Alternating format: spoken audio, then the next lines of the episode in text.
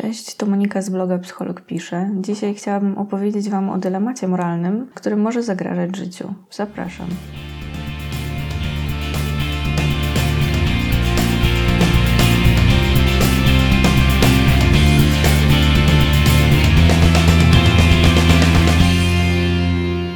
Moralny to eksperyment myślowy w etyce, yy, analizowany także przez yy, kognitywistykę. To jest nauka, która zajmuje się obserwacją i badaniem działania naszego mózgu, zmysłów i umysłu. Ale poza nią yy, i filozofią, dylematami moralnymi interesuje się także neurobiologia. Jeden z ciekawszych dylematów to ten nazwany roboczo dylematem speleologów. Jak brzmi, posłuchajcie. Sześciu speleologów zostało uwięzionych w nadmorskiej jaskini przez zawał skalny. Pozostała niewielka szczelina, przez którą mogą się wydostać. Pierwszy wychodzi duży Jack. Niestety utknął w szczelinie. Nie ma innej drogi wyjścia. Nadchodzi fala przypływu i wszyscy oprócz dużego Jacka, którego głowa wystaje ponad poziom przypływu, utoną. W plecaku znajdujesz laskę dynamitu. To za mało, by rozsadzić skały, ale wystarczy, by zabijając dużego Jacka, oczyścić przejście i uratować siebie i czterech innych ludzi. Duży Jack wie o tym i błaga, by tego nie robić. Co powinieneś w tej sytuacji zrobić? Dylemat moralny o speleologach jest tak naprawdę jedną z odmian bardzo wielu e, podstawowej wersji dylematu moralnego, zwanego dylematem wagonika. E, nie wiem, czy kojarzycie, gdy wagonik kolejki wyrywa się spod kontroli i pędzi po torach, na swojej drodze znajduje pięciu ludzi e, przywiązanych do torów, ale my możemy przestawić zwrotnicę i w ten sposób skierować wagonik na drugi tor, do którego przywiązany jest tylko jeden człowiek. I co w takiej sytuacji powinniśmy zrobić? W kognitywistyce dylemat wagonika pierwszy raz badał systematycznie John Mikhail, który zaczerpnął go z filozofii. Badał ludzi z różnych grup, włączając w to dzieci i osoby z różnych kręgów kulturowych, innych niż nasza kultura zachodnia.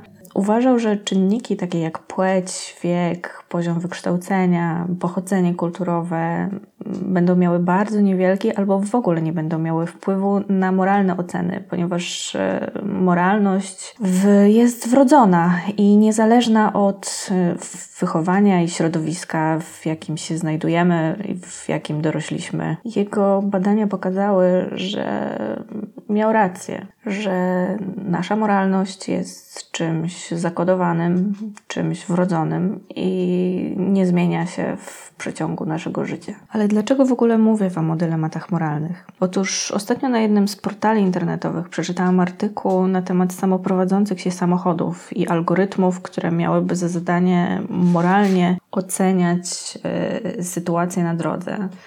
E, jak niektórzy z Was mogą wiedzieć, e, produkowane samochody Tesla otrzymały ostatnio oprogramowanie, które pozwala im na to, by poruszały się bez zaangażowania kierowcy, człowieka kierowcy. Jeśli weźmiemy pod uwagę czysto techniczne, to Google przeprowadzało testy e, na takich samochodach i pokazywały one, że po przejechaniu ponad miliona mil tylko 23 pojazdy wzięły udział w ledwie 14 jakichś drobnych kolizjach drogowych i tylko raz pasażerowie takiego samochodu samoprowadzącego się byli lekko ranni, gdy ktoś wjechał w tył auta Google. I oczywiście możemy tutaj myśleć o tym, że testy były przeprowadzane tylko i wyłącznie w słonecznej Kalifornii, natomiast ruch drogowy w konkretnej śnieżycy w styczniu czy podczas oberwania chmury wygląda zupełnie inaczej. Samoprowadzące się auta są bezpieczne, ale nie oznacza to jednak, że są tak bezpieczne, by zawsze móc unikać wszelkich możliwych zagrożeń na drodze.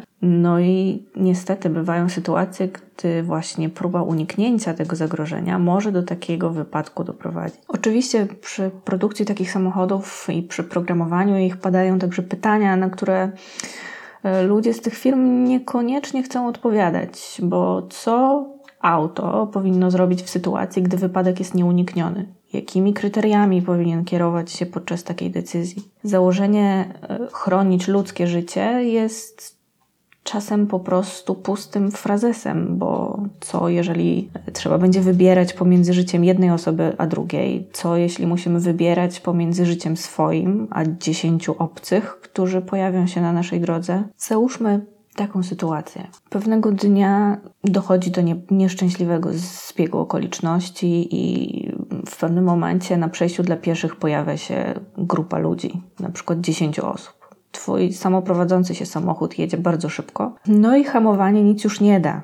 Jeżeli auto nie skręci, to wjedzie w grupę tych osób, najprawdopodobniej ich pozabija. Natomiast jeżeli skręci i wjedzie w betonową ścianę, to zderzenie zabije ciebie co w takiej sytuacji powinien zrobić algorytm. I rzeczywiście algorytmicznie odpowiedź będzie mniej więcej taka jak w dylemacie wagonika, że wybór jest prosty, bo łatwiej jest, czy lepiej, tak w cudzysłowie jest, poświęcić jedno życie i zabić jednego pasażera, zamiast zabijać 10 osób, tak. Tylko kto kupi auto, które jest zaprogramowane tak, by zabić swojego pasażera w razie wypadku. Tak samo sytuacja ma się w dylemacie o speleologach, bo gdy duży Jack wie, że mm, by oczyścić przejście można go zabić i prosi o to, by tego nie robić, to co gdyby sytuacja się odwróciła i jakich my argumentów byśmy użyli, gdyby, żeby przekonać swoich towarzyszy, by nas nie zabijali. Pytań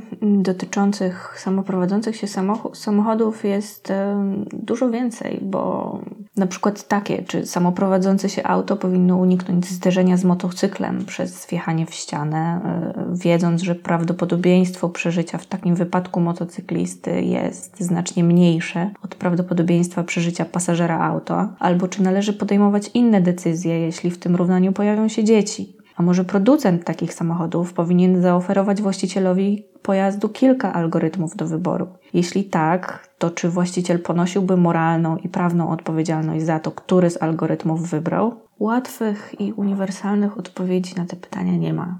Każdy z nas ma swoje sumienie i tak naprawdę w niektórych sytuacjach możemy być gotowi poświęcić swoje życie, o ile ocali to życie na przykład innych dzieci czy naszych dzieci. Co jednak, jeśli w wypadku auto będzie musiało wybierać między życiem ukochanej żony właściciela, a życiem jego małego dziecka? A jeśli dzieci będzie dwoje, małe i duże?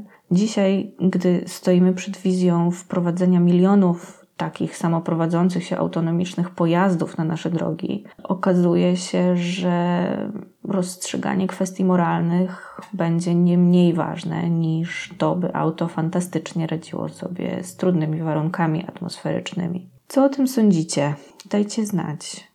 Wypowiedzcie się, czy samochody powinny mieć swoją moralność wbudowaną przez programistów? Czy jednak to wciąż właściciel i kierowca pojazdu powinien decydować o tym, co zrobi i jak szybko takie decyzje powinny być podejmowane? Czekam na Wasze głosy.